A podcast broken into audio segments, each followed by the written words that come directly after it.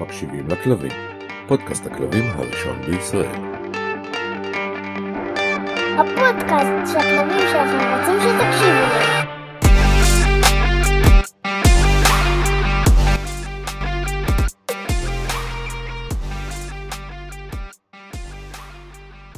שלום לכל המקשיבים ומקשיבות, מאזינים, מאזינות, נועה שפלר, מה העניינים? אהלן, מה שלומכם? מה שלומכן? איזה חן, כיף להיות פה. עוד פעם קטעתי אותך, נכנסתי לך בדברים, לא שזה משהו שלא קורה בפרקים שלנו, אבל עדיין. הכל טוב. וחן, מה העניינים? חן שניידר, מצוין, תודה רבה. איזה כיף להיות פה. האיש אה, שמדבר הרבה. אני לא חסכתי מילים הפעם. לא, לא, השתמשתי זה- במלא מילים. זה היה אני לא יחסית, אמרתי שלום וזהו, כמו בדרך כלל. יחסית גם נדיב. עכשיו הוא מרחיב במילים, כל הכבוד. כן. וערני.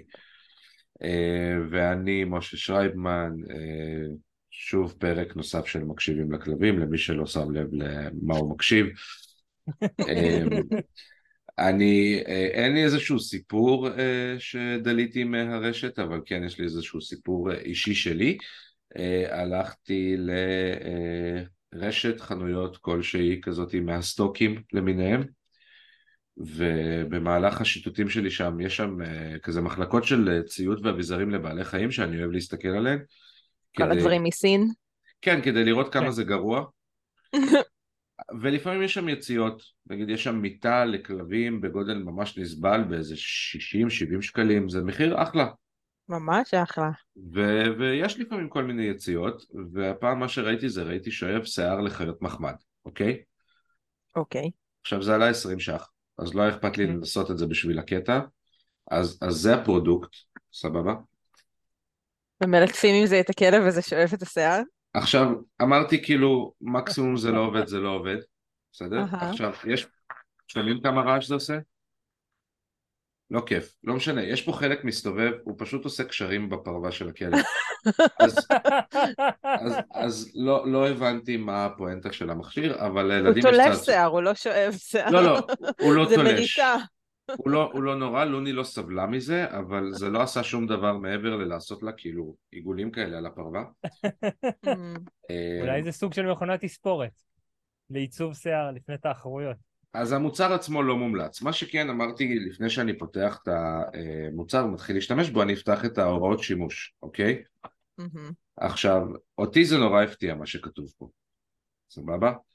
ככה, אופן השימוש, דבר ראשון מסבירים פה איך אה, להכניס את הסוללות, אוקיי? סבבה? לא, לא ממש אוקיי. קריטי למי שרואה ביוטיוב.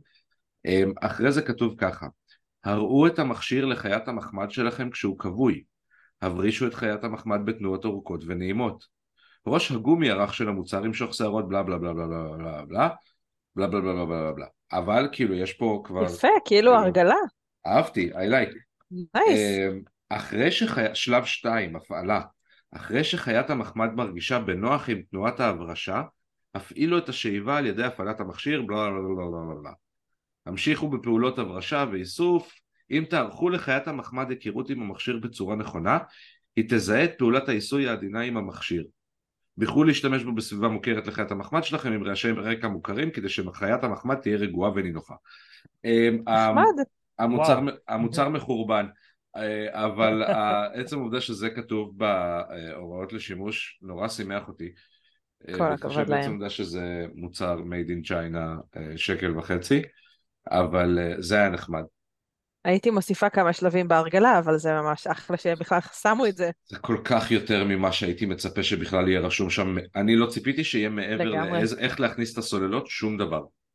כן. ואיך לרוקן את התא או משהו שם. אה, זה עצם יפה. העובדה שיש מישהו, אני לא יודע מי עשה את זה, בין אם זה מי שכתב את הברושור בעברית, בין אם זה בסין.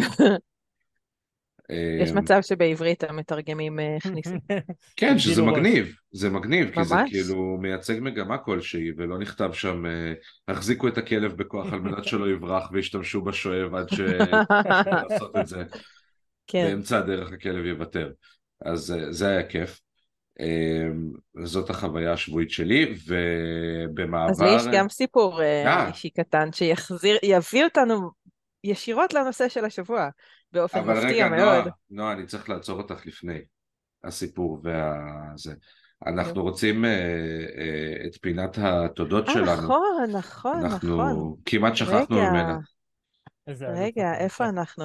הנה, כן, אה, רצינו רק להגיד אה, דש חמה ואהלן לזמירית נחום, שכתבה לנו בפייסבוק, היא כתבה ככה, וואו, גיליתי את הפודקאסט שלכם לפני שבוע, ממש במקרה, ואני מקשיבה אדוקה.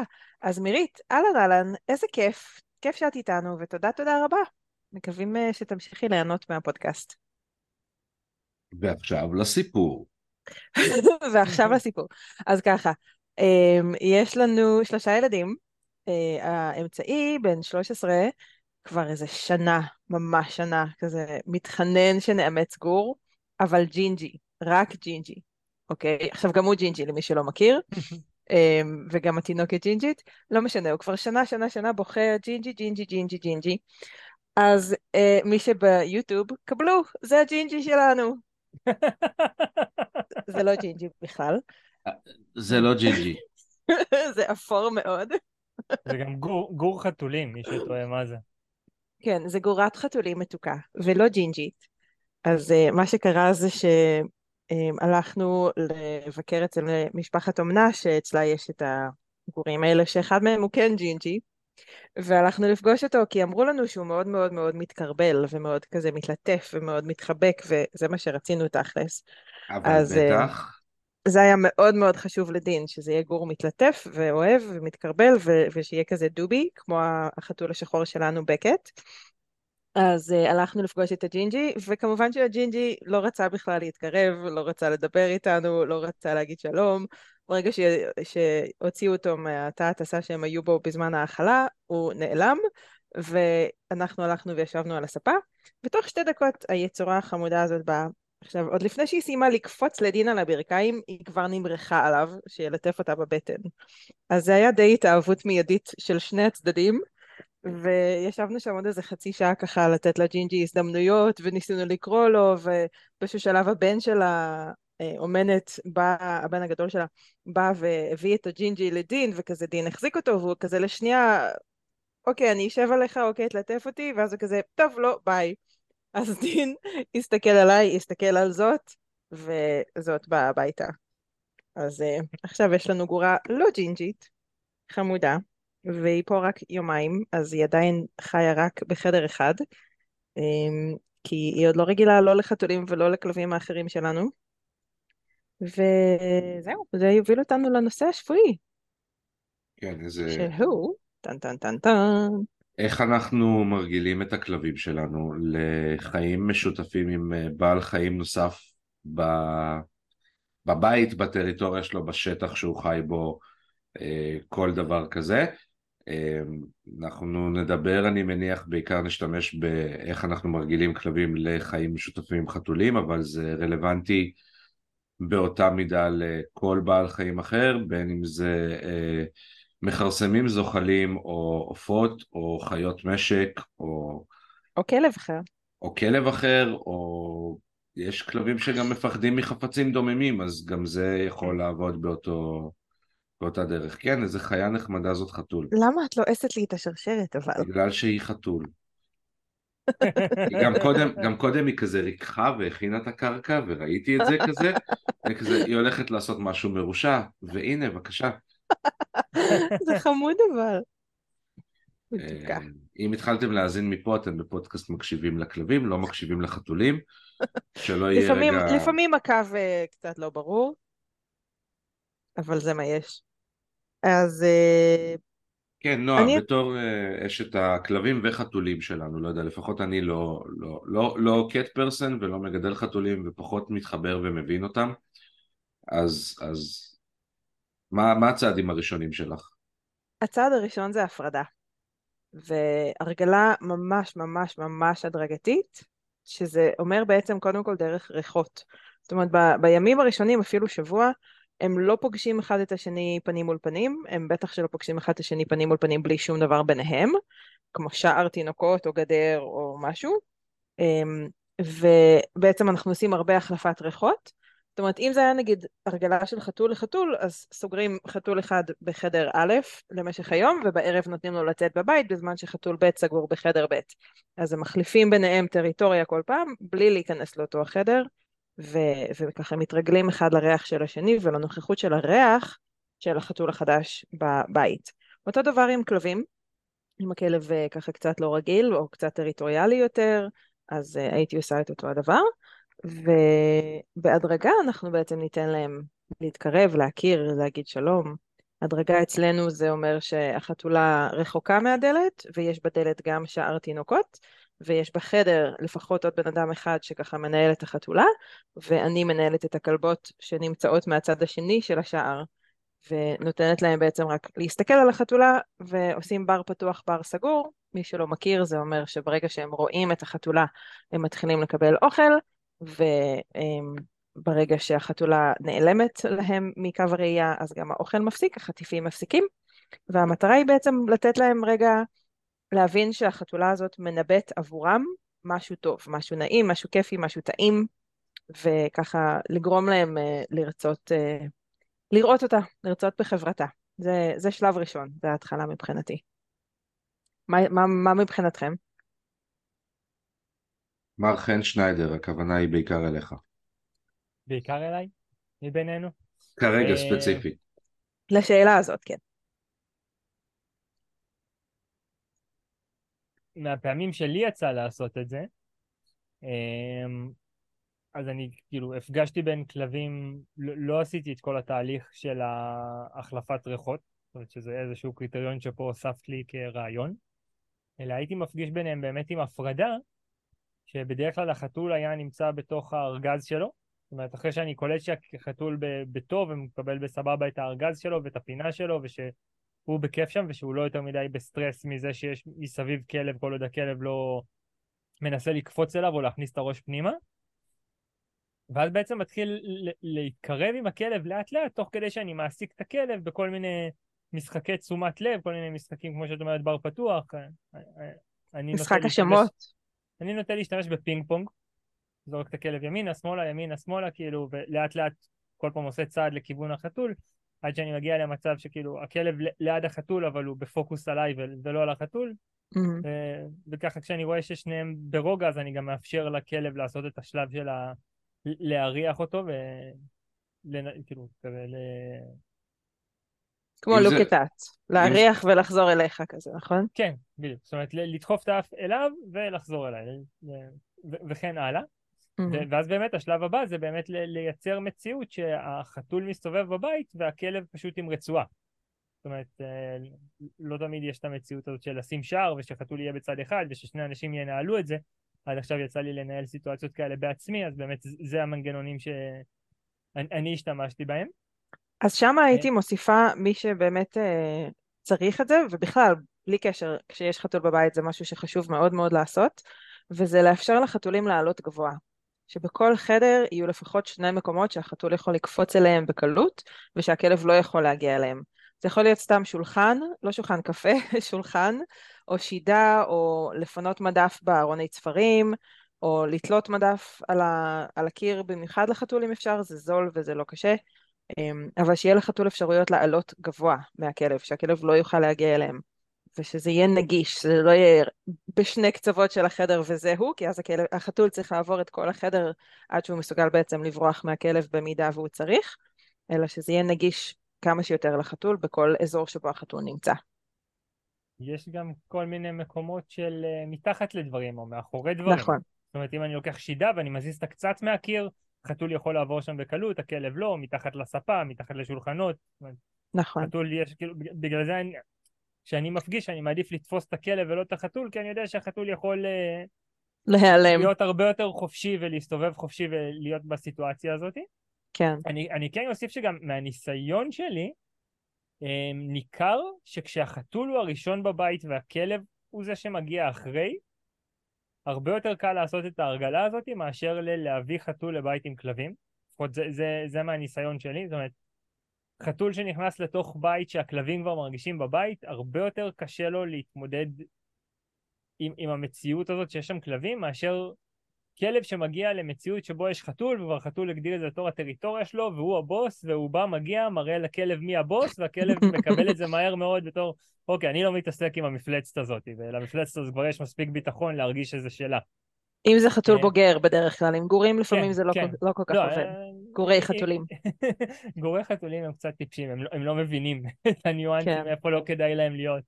כן. יש לי עכשיו גור חתולים, והוא פשוט... אה, הוא לא מפסיק להיכנס לפה של הכלבים מבחינתו זה גם משחק. לקפוץ עליהם, לאכול אותם, לישון עליהם, להיתפס להם על הזנב ולרוץ בבית. כאילו, הם בורחים ממנו, הוא עושה סקי מהזנב שלהם. הוא לא מבין, הוא לא מבין. חתולי, אה, גורי חתולים זה, זה משהו. כן, אמ, אני כן הייתי מוסיפה שמה, בשלב הזה, הזה שבו כבר יש, או יכול להיות מגע בין החתול והכלב, זאת אומרת, הם באותו חדר, הכלב כמובן על רצועה. והניהול כאן, אני כן רגע אשים דגש, הניהול הסביבתי כאן הוא מאוד מאוד חשוב, המניעה והניהול של הסיטואציה מאוד מאוד חשוב, שלא יהיה מצב שאופס, החתול ברח, עכשיו הכלב בלי רצועה, והולך להיות פה בלאגן, ומישהו יתפוס מישהו, או עלול לתפוס מישהו, או עלול פשוט סתם לעשות לחתול טראומה, ובעצם לפגוע בקשר ביניהם, ואז יש לנו לעבוד יותר קשה כדי לשקם קשר, במקום פשוט לבנות קשר. אז ניהול ממש ממש ממש חשוב, שלא יהיו אופסים. לכן אם יש אפשרות שיש שם עוד בן אדם, זה מעולה. אפילו אם זה רק השכן, לגייס אותו רגע לשעה, חצי שעה, עשר דקות, מה שאפשר, שיבוא רגע ויעזור רק בניהול הזה, של שנייה תסגור את הדלת אם צריך, או רגע תזרוק פה חטיפים, או תפוס את החתול, או מה שזה לא יהיה. אמ, כמובן שלא תמיד אפשרי, אבל כשכן אז שווה להשקיע רגע את המאמץ כדי שזה כן יקרה. אבל מה שכן הייתי מוסיפה שם בתור השלב הבא, זה הלימוד של רגיעה מצד הכלב. זאת אומרת, מבחינתי כשהכלבות שלי רואות חתול, אם זה לא החתולים שהם גדלו איתם והם כבר רגילים, הן צריכות פשוט לשכב, לרדת לארצה, לשכב, להסתכל עליו, את יכולה להסתכל על החתול, החתול יכול לטייל בחדר, כל מה שאת צריכה לעשות זה להישאר פה על המיטה שלך, וחטיפים ימשיכו ליפול עלייך. ובמיוחד כשזה משהו מוגדר, כמו המיטה הזאת של הכלב, או מזרון, או שטיחון, או מה שזה לא יהיה, זה מאוד מאוד עוזר לכלבים להבין, אוקיי, אתה לא צריך לדאוג מהחתול, אתה לא צריך לעשות שום דבר, רק תשכב פה רגע. וזה הכל. זה הציפייה היחידה שלנו זה שאת מריחה את הקפה. הציפייה היחידה שלנו זה שתשכב פה, ואנחנו נמשיך לתת לך על זה צ'ופרים ו- וחטיפים. אמ, וזה מאוד עוזר לחתולים להרגיש בנוח, כי הם מרגישים שהכלב בשליטה, הם רואים שהכלב לא זז ולא משתולל ולא קופץ עליהם ולא רץ בחדר. אמ, אז אני דווקא פחות עושה את המשחקי פינג פונג ודברים כאלה. אני הדבר הראשון שאני עושה זה דווקא משחק רגיעה אמ, של הכלב, ופשוט לשים אותו רגע בנקודה אחת, וכמה שפחות יזוז, כדי שהחתול יתרגל אליו. אלא אם זה גור חתולים טיפש שרץ לכלב ואומר לו אהלן ומכפכף אותו, ואז אין שום בעיה. הם יכולים לעשות מה שהם רוצים פחות או יותר, כל עוד הכלב לא מנסה לאכול את החתול. יש לי יש לי חתולה אלייך. תוכית כרגע, על הכתף. שאלה לי אלייך, נועה. כן. אמ, איך את מזהה את היום הראשון שבו זה השלב שאפשר להשאיר אותם באותו חדר לבד ולצאת? מה, מה מבחינתך הסימנים לזה? זהו, הגיע הזמן, הם כבר בסדר. וואו, זאת שאלה מעולה וקשה. אני חושבת שזה קודם כל יכול לקחת חודשים, וחשוב להגיד את זה כדי שאנשים לא יגידו, וואו, הוא פה כבר חודש, הם עוד לא רגילים, טוב, יהיה בסדר, בוא נצא. לא. עם חתולים הדברים יכולים לקחת המון המון המון זמן. אמ, אני חושבת שהסימנים עבורי זה כשקורים כל מיני אופסים כאלה, כשאני כן שם, והכלב לא מגיב, הכלב נשאר אדיש, או הכלב מגיב ב- בסימנים ממש חברותיים אל החתול. אמ, הוא מה ממש זה, לא... מה זה אופסים? אופסים זה אוי, ניסינו להפריד ובעצם החתול פתאום מופיע בחדר הזה ולא הייתי מוכנה לזה והכלב לא על רצועה ואני לא בתוך סשן אילוף ועדיין יש פה חתול פתאום. זאת אומרת, זה אופס, מישהו פתח את הדלת, החתול פתאום בחדר שהכלב נמצא בו, בלי שתכננו, בלי שזה יהיה אמ, סשן. את מדברת פה בעצם על מצב של כלב והחתול נמצאים באותו חדר כ- כחלק מהשלב הרגלה, כאילו לעבור לשלב של בלי כלב בקונטרול, בלי כלב על רצועה. כן. אני מדבר על שלב של להשאיר אותם באותו חדר ולצאת מהבית. אומרת של אז זהו, לא אז נוכח. לפני, ש... לפני שקורים מצבים שבהם החתול פתאום מופיע לי בחדר עם הכלב, והכלב סבבה עם זה, בלי שניהלתי אותו מראש, בלי שהודעתי לו הנה עכשיו סשן עם חתול, הנה חטיפים, הנה רצועה, הנה הכל, אז אני יכולה להרגיש שגם אם הם יהיו בלעדיי בחדר, הכלב עדיין יהיה חברותי אל החתול. הכלב קיבל אותו, נחמד אליו, לא רוצה לאכול אותו, לא רוצה לנגוס בו. אמ, זה יהיה קריטריון אחד, וקריטריון שני זה במידה ובאמת יש לחתול המון המון המון הזדמנויות ואפשרויות לברוח מהכלב. זאת אומרת שגם אם הכלב עכשיו מנסה לצוד את החתול, הוא לא יצליח, כי יש לחתול שידות ומיטות וספות להיכנס מתחתיהן, ויש לו דברים גבוהים להיכנס אליהם, זאת אומרת לקפוץ גבוה, לא רק את המתחת. כי המתחת כלב יכול להזיז או להציק לו ועדיין הם יכולים להיות סנטימטרים אחד מהשני וזה יכול להיות מאוד מאוד דרמטי. כשהחתול יושב גבוה וככה מתצפת על כל החדר ועל הכלב מגבוה, אז הם מרגישים גם יותר בנוח, ואז הם יותר רגועים. וגם הכלב מבין באופן מאוד טבעי שכשמשהו נמצא על עץ אתה לא יכול להגיע אליו. רוב הכלבים לפחות קולטים את זה ובאיזשהו שלב מוותרים. אם זה נמצא מתחת לספה, אז למשל ביי פשוט תבלה שעות מסביב לספה בניסיון להוציא את החיה הזאת. אמ, אם זה עכבר שנכנס לפה או כל דבר אחר. אז אה, זה, זה שני הקריטריונים בעיניי. היית מוסיף לזה משהו או משנה משהו? לא, זה, זה טוב. אני חושב שמה שצריך להוסיף שם זה רק אה, הקריטריון של עד כמה הכלב או החתול בעייתיים, אוקיי? Mm-hmm. למרות שאני מכיר מספיק בתים שבהם יש חתול וכלב שחיים ביחד והם לא חברים, אוקיי? כן. הם לא, הם לא אויבים נוראים, אבל החתול והכלב הם מקסימום יכולים לחלוף אחד על פני השני, בדרך כלל זה הכלב יהיה החמוד מבין שניהם. ויש סוג של בלנס, אוקיי? כי הוא באמת נובע מעצם העובדה שהחתול... כבדהו וחשדהו ואל תתעסק איתו.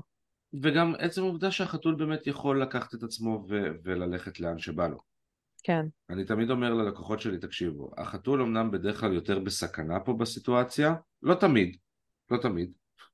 לא תמיד. אבל, אבל הוא גם הרבה יותר קשה לניהול, וגם אבל כן. הוא באותה מידה יכול לברוח הרבה יותר בקלות, זאת אומרת, וגם אנחנו לא מדברים עכשיו בשיחה הזאת על כלבים או חתולים מאוד מאוד קיצוניים בהתנהגות שלהם, לפה או לשם, כי נכון. מי שיש לו כלב וחתול שהם מאוד מאוד נוחים ומסתדרים עם כולם אז זה לא רלוונטי ומי שיש לו כלב או חתול ש... או תוכי לצורך העניין, כן? יש תוכים מאוד מאוד קשים, מאוד mm-hmm. מאוד קשים, אה, נכון. שלא מסתדר עם בעלי חיים אחרים, אז יש מצב שלאורך כל החיים אם בחרתם להביא עוד בעל חיים הביתה, אתם תצטרכו להתעסק בהפרדות ובניהול. כן. וכנראה שזה כן. יהיה להם בסדר. אם תדאגו כן. למה שהם צריכים בלי שטח מחיה בבית, כנראה שזה יהיה בסדר. Mm-hmm. אז, אז אה, זה באמת משהו שקשה גם נורא לענות עליו, חן, כי זה מאוד אינדיבידואלי. כי אם אתה, כי אתה פשוט צריך לקחת את הסיכון בשלב מסוים, כמו שאתה משאיר שני כלבים. אני לפעמים מביא כלבים הביתה שבאים לסוג של פנסיון ביתי. אני יודע שהם יסתדרו עם לוני, אני יודע שהם מכירים את הכלבה שלי, אני יודע שהכל יעבור, אמור לעבור חלק, אבל אם אני משאיר אותם לאיזושהי משך זמן לבד בבית. יש בי תמיד את החשש הזה שלה, כאילו, אני אחזור הביתה והכל יהיה בסדר? לא יהיה שפריצים על הקירות? אני חושבת אבל שעם חתולים, בגלל שהם קטנים יותר מרוב הכלבים, וכלבים הם חזקים מהם בהרבה, רובם, אם זה לא כלב קטן, אם זה כלב בינוני ומעלה, אז באמת הסיכון כאן הוא מוחשי לחתול, והייתי לוקחת פה מקדמי הגנה גבוהים, לא הייתי אומרת, אוקיי, בוא, בוא פשוט נראה מה יקרה. כי, אני... כי זה, אני מכירה לקוחות שזה קרה להם, וחברים שזה קרה להם, ו, והכלבים פשוט הרגו את החתול של הבית, וזה זוועה, זה פשוט, זה משהו שאתה בחיים לא, שול, לא שוכח ולא סולח, לא לעצמך ולא לכלב, ואני חושבת שזה משהו שהרבה פעמים אנחנו נהיים קצת שאננים אולי, או קצת סומכים מדי על הכלב, וכן הייתי ממש ממש ממש ממש נזהרת עם כלבים וחתולים, אמ, למשך זמן ארוך. עד שממש אני מרגישה בנוח. נגיד, אני עם הכלבות שלנו ושני החתולים, הבאנו אותם כגורים, אה, ביי נכנסה לבית שהם כבר פה כגדולים, קרמה הם באו הם, לפניה, אז היא גדלה איתם כגורה, ולא היה שום, שום בעיה, אוקיי? הם הגיעו כשאריק היה איתנו, אריק היה בוגר בבית, והם פשוט, וברואן היה זקן בבית, והם פשוט כולם הסתדרו, הכלבים היו צעירים, החתולים היו צעירים, לא הייתה שם בעיה, היום אני סומכת עליהם בעיניים עצומות. אבל אם הייתי עכשיו מביאה כלב חדש לבית שיש בו שלושה חתולים, אז לא הייתי. לוקחת מקדמי... אה, מקדמי... אה, זה. בלגי. טוב, בלגי לא יהיה פה. אני יכול להגיד שלצערי, אני בתחילת הדרך אה, חוויתי סיטואציות כאלה. של פציעה זה- של חתול. מוות של חתול. כן. כאילו... נורא. זה פשוט נורא. עוד פעם, אה, בדיוק מתוך השאננות הזאת שדיברת עליה, מתוך המצב של אה, אוקיי, כבר נראה שהכל בסדר, כבר עברנו את השלבים, טוב, יאללה, הם בסדר ביחד, הם משחקים ביחד, הכל טוב, אפשר כן. לסמוך עליהם. ויום אחד אתה חוזר ואתה מבין שלא, לא היה אפשר. כן. כן. אני לא חושב שאפשר אף פעם לסמוך עליהם, אתה צריך לסמוך על עצמך ולדעת האם עשית עבודה מספיק טובה. ואם עשית עבודה... כן, שמחת? כן? לא, לא הייתי יוצא ומשאיר אותם ככה אם לא הייתי סומך על עצמי. אוקיי, בסדר. תראו, נגיד, ביי בחיים לא... היא אף פעם בחיים שלה לא רדפה אחרי החתולים שלנו, אוקיי? היא באה לכאן כגורה, הם כבר היו גדולים, היא ביום הראשון או השני בערך ניסתה להגיד להם שלום, והם שניהם כפכפו אותה, והם לא חתולים מכפכפים, הם חתולים הכי סמרטוטים שיש בעולם, הכי אוהבים ומתרככים וכזה מרגרינה, חתולי מרגרינה, ועדיין כלבה גורה צעירה, שובבה, באו, באה אליהם, הם אמרו לה לא, אז היא עשתה אחורה פנה, וזהו, היא בחיים לא ניסתה להציק להם. קרמה, לפעמים היא, היא ממשטרת את החתולים. אז יכול להיות חתול על הספה, והיא חושבת שיש אוכל של בני אדם שאולי היא תקבל, אז היא מגרשת את החתולים משם. אז יש פעמים שהיא כזה קופצת על החתול ועושה לו כזה וזה כנה קורסו, כן? זה כלבה ענקית. אבל זה אף פעם לא היה שום דבר מעבר, והחתולים גם לא נבהלים מזה ולא נכנסים לפאניקה. החתולים מסתובבים ואומרים לה, נראה לך? זוזי. אז אני גם סומכת עליהם פה שהם לא ייכנסו לפאניקה ויהפכו פתאום להתנהגות של חיית טרף, אלא הם כזה, אוקיי, קרמה סתמי. זו סיטואציה שאני יכולה לסמוך עליה, אבל אם הם היו כן נכנסים פה לפאניקה וכן נלחצים מהתנהגות כזאת שלה, אז לא הייתי משאירה אותם לבד כשאני לא בבית. היינו עושים הרגלים של סגירת חתולים בחדר או סגירת כלבה בחדר, כדי שלא יהיו, שלא יהיו סיטואציות של אוי שיט, קרמה בטעות עשתה להם רר רר רר וזה נגמר לא טוב. לא יודעת, נראה לי, נראה לי שצריך כן להיזהר כאן על חתולים, כי זה בכל זאת חיה קטנה, וזה, הם, הם בקלות הופכים לחיית טרף, למרות שהם בעצמם טורפים, הם קטנים כל כך שהם הם טרף קל לכלבים. הם לרוב גם בכלל לא טרף, הם סתם צעצוע נחמד. בדיוק. נכון, אמ, אבל בסופו של דבר אנחנו גם מתעסקים עם בעלי חיים. סבבה שהם בעלי חיים מבויתים, חלק יותר, חלק פחות, תגדירו את זה איך שאתם רוצים. אבל אנחנו מתעסקים עם בעלי חיים, אוקיי? ו- כן. ולא תמיד, גם אנחנו כאנשי מקצוע לא תמיד יכולים לצפות הכל. נכון, ו- והתפקיד שלנו כבני אדם, ככה אני רואה את זה, שמגדלים בעלי חיים, הוא תמיד לעשות את המיטב, אוקיי? לשמור עליהם, תמיד לעשות את המיטב בהכל, בכל מה שקשור אליהם. לא תמיד אנחנו נצליח, ולא תמיד היכולות שלי תואמות ליכולות שלך או שלכם. אבל נכון. המטרה שלי היא תמיד לעשות את המיטב שאני יכול בשביל הבעל חיים שאני מגדל, סבבה? כן, אני מגדל, יש לי אה, דג קרב עכשיו באקווריום, אז הוא לא נמצא בצנצנת, לצורך העניין. הוא מהמם. נמצא באקווריום, וגם מבחינתי אקווריום קטן מדי, אבל עם פילטר ועם חמצן ועם כל מה שהוא צריך, שאני לפחות בדקתי וקראתי, כי אם כבר יש לי דג קרב, אז לפחות שיקבל את הסביבת מחיה הכי תואמת אליו שאני יכול לתת לו. כן. ו- אגב, הוא יכול, הוא יכול כנראה להיות עם עוד דגים אם האקווריום מספיק גדול, ואם יש. צמחים באקווריום. כרגע יש צמחים ויש לו דג אה, פלקו מנקה אחד והם מסתדרים מאוד יפה ביחד. נחמד. אמ, אני לא יודע, אני לא, לא מת על העניין הזה של דגים בבית, זה מאוד בעייתי מבחינתי. אני מת על אקווריומים, אבל אה, דגים בבית כן, יש זה... בזה... זה... אני כן רוצה לחזור אבל רגע לענייננו ולהגיד ותודה. שני, שני דברים או שני טיפים או שני רעיונות שאנשים יכולים ליישם אמ, כשהם כן צריכים להרגיל כלב וחתול. זאת אומרת, יש לנו כלב וחתול בבית, אחד מהם חדש, שניהם חדשים, לא משנה, הם לא מסתדרים, הם לא חברים, אוקיי? יש שם איזשהו קונפליקט ביניהם ושניהם בלחץ. אז מה עושים?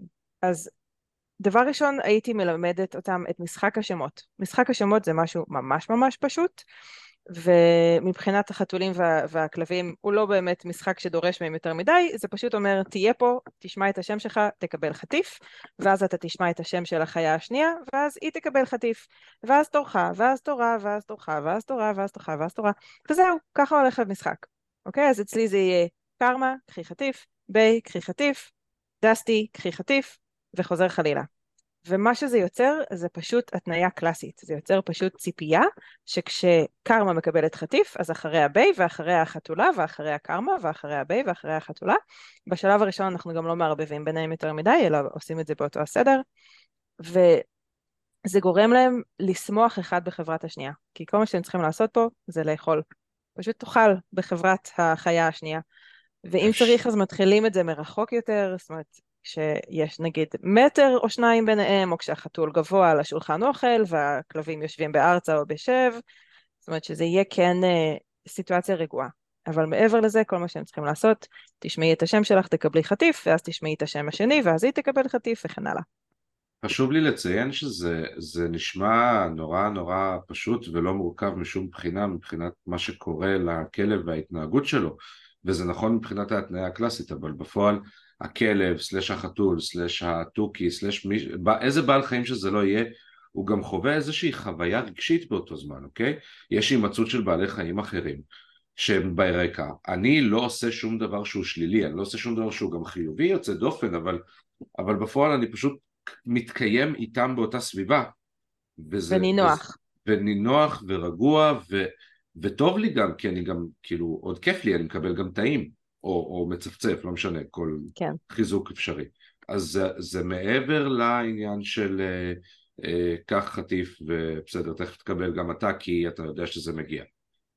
נכון, זה כל הרעיון. זה ההתחלה של זה. הזאת יוצרת את הציפייה הרגשית, את החוויה הרגשית הנעימה, את ההתניה הרגשית הנעימה, וזה בעצם מה שעוזר לבנות את הקשר ביניהם.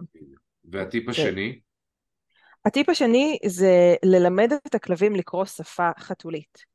כי הרבה פעמים אה, תקשורת חתולית היא ממש ממש שונה ממה שכלבים מתקשרים ביניהם. ויש שם לפעמים קצר בתקשורת, אוקיי? הכלב בוהה בחתול, מבחינת החתול זה איום. הכלב רק אומר מי אתה, מה אתה עושה פה. אז אני מלמדת את הכלבים לזהות סימני הרגעה של החתול ולהגיב אליהם בצורה שהחתול יבין. אז למשל, כשהחתול אה, אה, מקמר את הגב, עוד לפ... הרבה לפני שהוא נוהם או נושף או רושף או עושה כל מיני קולות. ממש סימנים ראשונים של לחץ בחתול, אני מלמדת את הכלב לזוז אחורה או להפנות את הראש. אז מלמדים קודם כל אחורה וראש, ממש מלמדים את הכלב לעשות ככה, הצידה, להפנות את הראש לכיוון הכתף שלו, על אות, ואז אני מצמידה את זה להתנהגות של החתול. אני פשוט מביאה את הכלב בסביבת החתול, נותנת לו רגע צעד להתקרב אל החתול כדי שהחתול באמת יוכל להגיד לו אם זה בסדר או לא בסדר, והחתולים אומרים את זה מעולה בשפת גוף שלהם, ואם החתול מראה רוגע אז מצוין, אז תישארו ואני אדבר בנועם אל שניהם, ויופי, כל הכבוד, אתם חברים, איזה יופי. ברגע שהחתול טיפה נלחץ ואומר אוקיי, אוקיי, די, לך, אני אומרת לכלב אחורה או ראש, ובעצם גורמת לו לתת סימן הרגעה שהחתול מבין, בזה שהוא זז צעד אחורה או מפנה את הראש ו- ואת המבט מהחתול. וזה מדהים כמה מהר שזה עובד, וכמה שזה מרגיע עניינים בין כלבים וחתולים שלא מסתדרים ביניהם בבית. צריך כמובן שגם כל המסביב יהיה תקין, זאת אומרת שיהיה ניהול סביבתי, שהם לא ייפגשו כל יום במסדרון כזה פתאום ויריבו, וזה זה צריך לעבוד על, על סיטואציה נקייה, מה שנקרא. אבל כשעושים את זה נכון, עם הניהול הסביבתי הזה, ואז עושים סשנים קצרים קצרים כאלה של ה... הכלב בעצם לומד להגיב לסימנים של החתול. קודם כל הכלב גם יכול להפנים את זה ולהתחיל לעשות את זה לבד, לזוז אחורה, להפנות ראש ולתת לחתול רגע את החצי space הזה שהוא צריך. והחתול מבין שיש עם מי לדבר ושהוא לא צריך לנסות לשרוט אותו, מה שכמובן מדליק את הכלב ואז יש שם עוד יותר קונפליקט. אז זה פשוט משהו שמי שיש לו איזשהו ניסיון בללמד כלבים משהו ו- וניסיון עם מרקר ולתפוס התנהגויות, זה לא קשה ללמד הפניית ראש וצעד אחורה, וזה לא קשה לשים את זה על אות, ואז זה גם די קל לשים את זה על האות שבעצם ההתנהגות של החתול היא האות. אז אה, זה תרגיל שאני ממליצה עליו תמיד. אה, הרבה מאוד פעמים, סיימת, סליחה שאני לא אתפרץ. כן.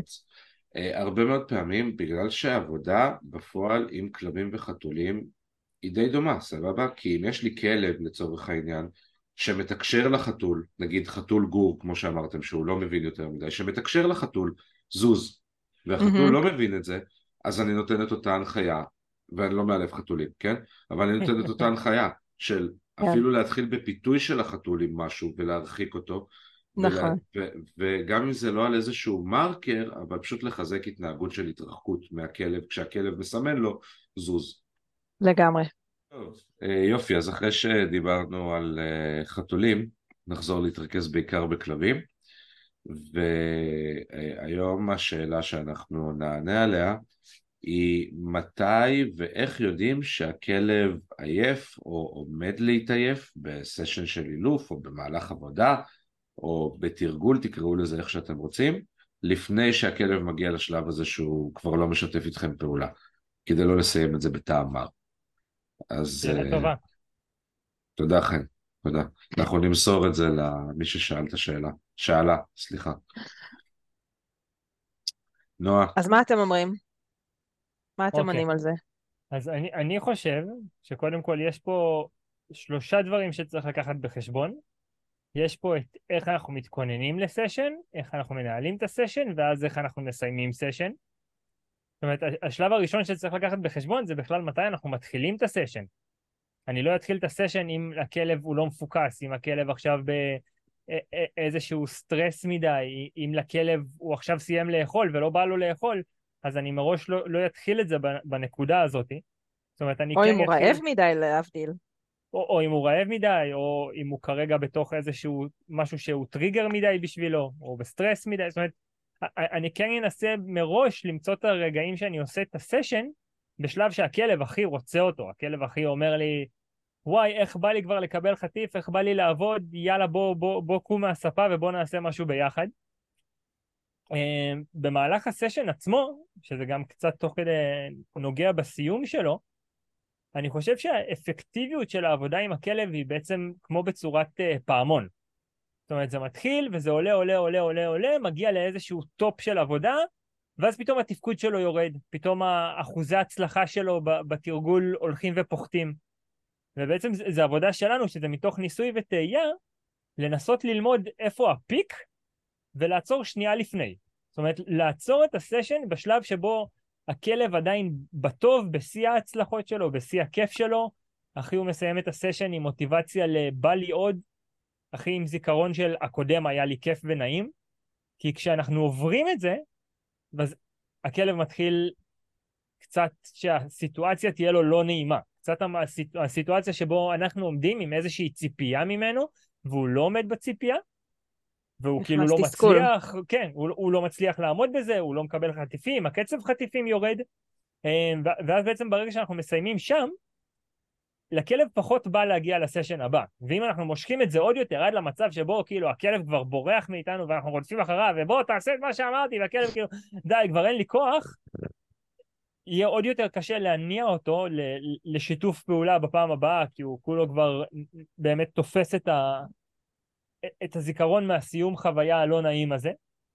אמ, אז ככה, אז קודם כל זה באמת מאיפה מתחילים, להתחיל כשהוא רוצה וכשיש לו מוטיבציה לזה, ולסיים כשהוא שנייה לפני שהוא בפיק שלו. או בתוך הסיר.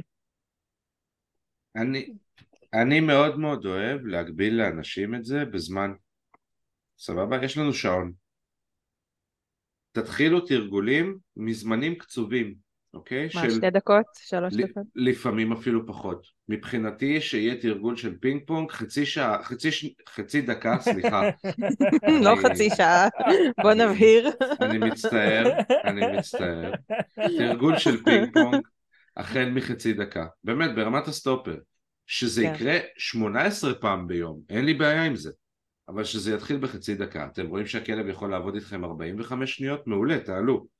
אתם רואים שהכלב יכול לעבוד איתכם דקה וחצי? מעולה, תעלו. כל זה זה בדיקה שעושים אותה תוך שלוש דקות, כן? כן. אז אני אז- אומרת להם לא לשים סטופר, אלא לקחת חופן קטן של חטיפים, והסשן הוא באורך של חופן. שום בעיה, העיקר שזה יהיה מדוד באיזושהי דרך. כי ברגע שזה לא מדוד, אני אף פעם לא באמת יכול לדעת. נכון. כי יש לי כלבים שיכולים לעבוד בלי הפסקה על התרגיל הכי פשוט שלוש שעות. סבבה? ויש כלבים שמוותרים... אבל המוח ב- שלהם נגמר מזמן. הם סתם טוחנים מים. אבל הוא פיטבול והוא רוצה ללכת ו- ולקפוץ על, ה... על, הפ... על ה puppy roll ומה שזה לא יהיה, לא יודע.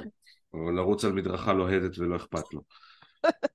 אמ, יש, יש כלבים שיכולים להתמודד עם חצי דקה בלבד ויש כלבים שיכולים להתמודד עם פינג פונג גם במשך חמש דקות והם ירוצו לצד אחד של הבית ולצד השני ולצד אחד של החניה ולצד השני וילקטו את החטיף כי לא אכפת להם ויש כלבים שאחרי שני חטיפים עושים ווי ציפור סבבה? כמוני אז, אז, אז הדבר הכי חשוב הוא שזה יהיה מדיד תחליטו על חמישה חטיפים, תגדילו לשבע, תעלו לעשר אבל תרגולים עם כלב הם בדרך כלל, אלא אם כן זה באמת, אתם עובדים על משך זמן שכלב מבצע פעולה מסוימת, אוקיי? שזה אה, לא פינג פונג ולא משחק שמות, אלא הישאר במקום, ואז הכלב שוכב, סבבה? ואולי מתעסק עם משהו.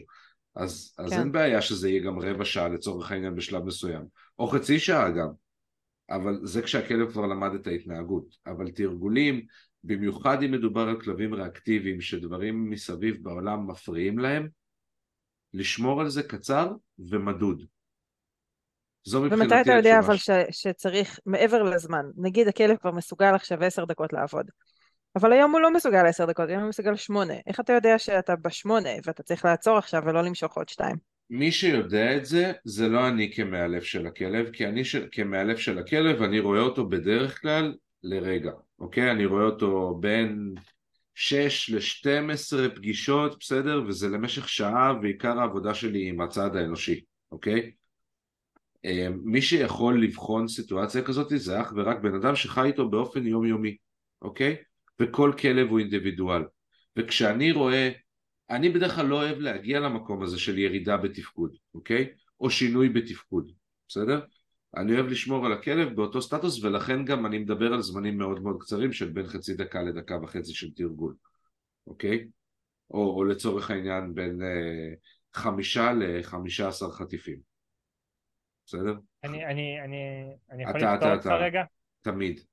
מעולה, אז אני קוטע אותך פה, ואני רוצה להגיד שאני מסכים איתך במקום הזה של הלמדוד זמנים ולהיות במעקבים, אבל כן צריך לקחת בחשבון שכל סשן וכל יום הוא אינדיבידואלי, ויכול להיות בבוקר הכלב עבד איתי סשנים של 20 שניות, ובערב הוא יעבוד איתי דקה וחצי, ולמחרת הוא יעבוד איתי חמש שניות וימאס לו. זאת אומרת, ופשוט כל הזמן אנחנו צריכים להיות במה שנקרא מקשיבים הקשבה. לכלבים. כן. שם טוב לפודקאסט.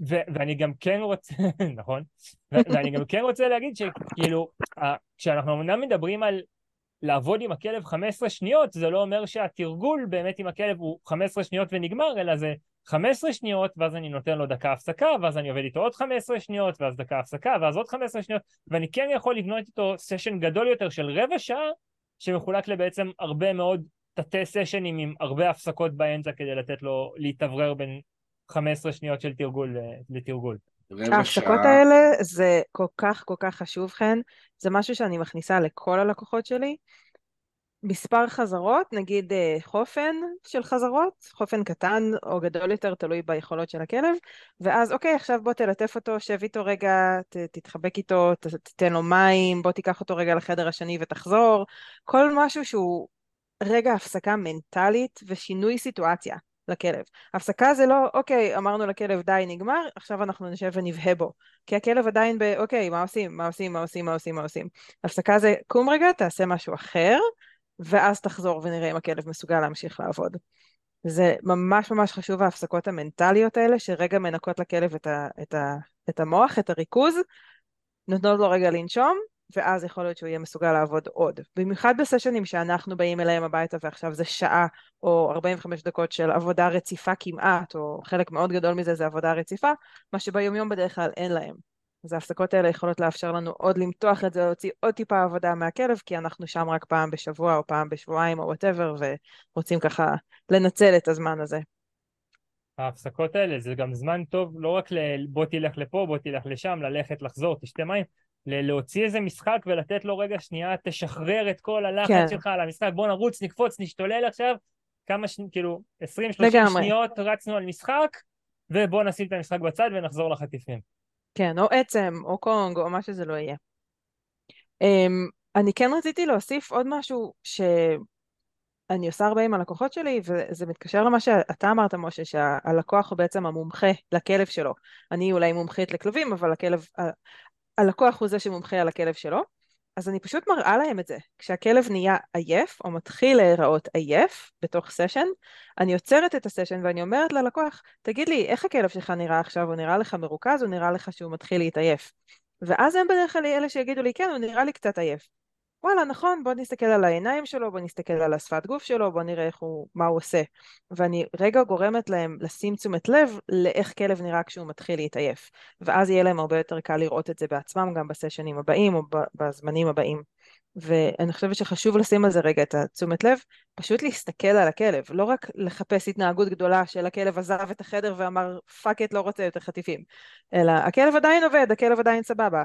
אבל אנחנו רואים שהוא כבר עייף, אנחנו רואים שהוא מאבד ריכוז, אנחנו רואים את הצעיפות הזאת בעיניים, הצטעפות הזאת של העיניים, או כל סימן אחר שרלוונטי לאותו הכלב.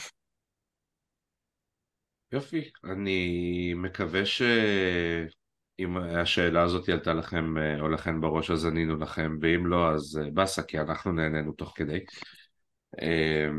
ואולי למדתם משהו, ואולי לא. כן, אל תפתחי ציפיות, נועה.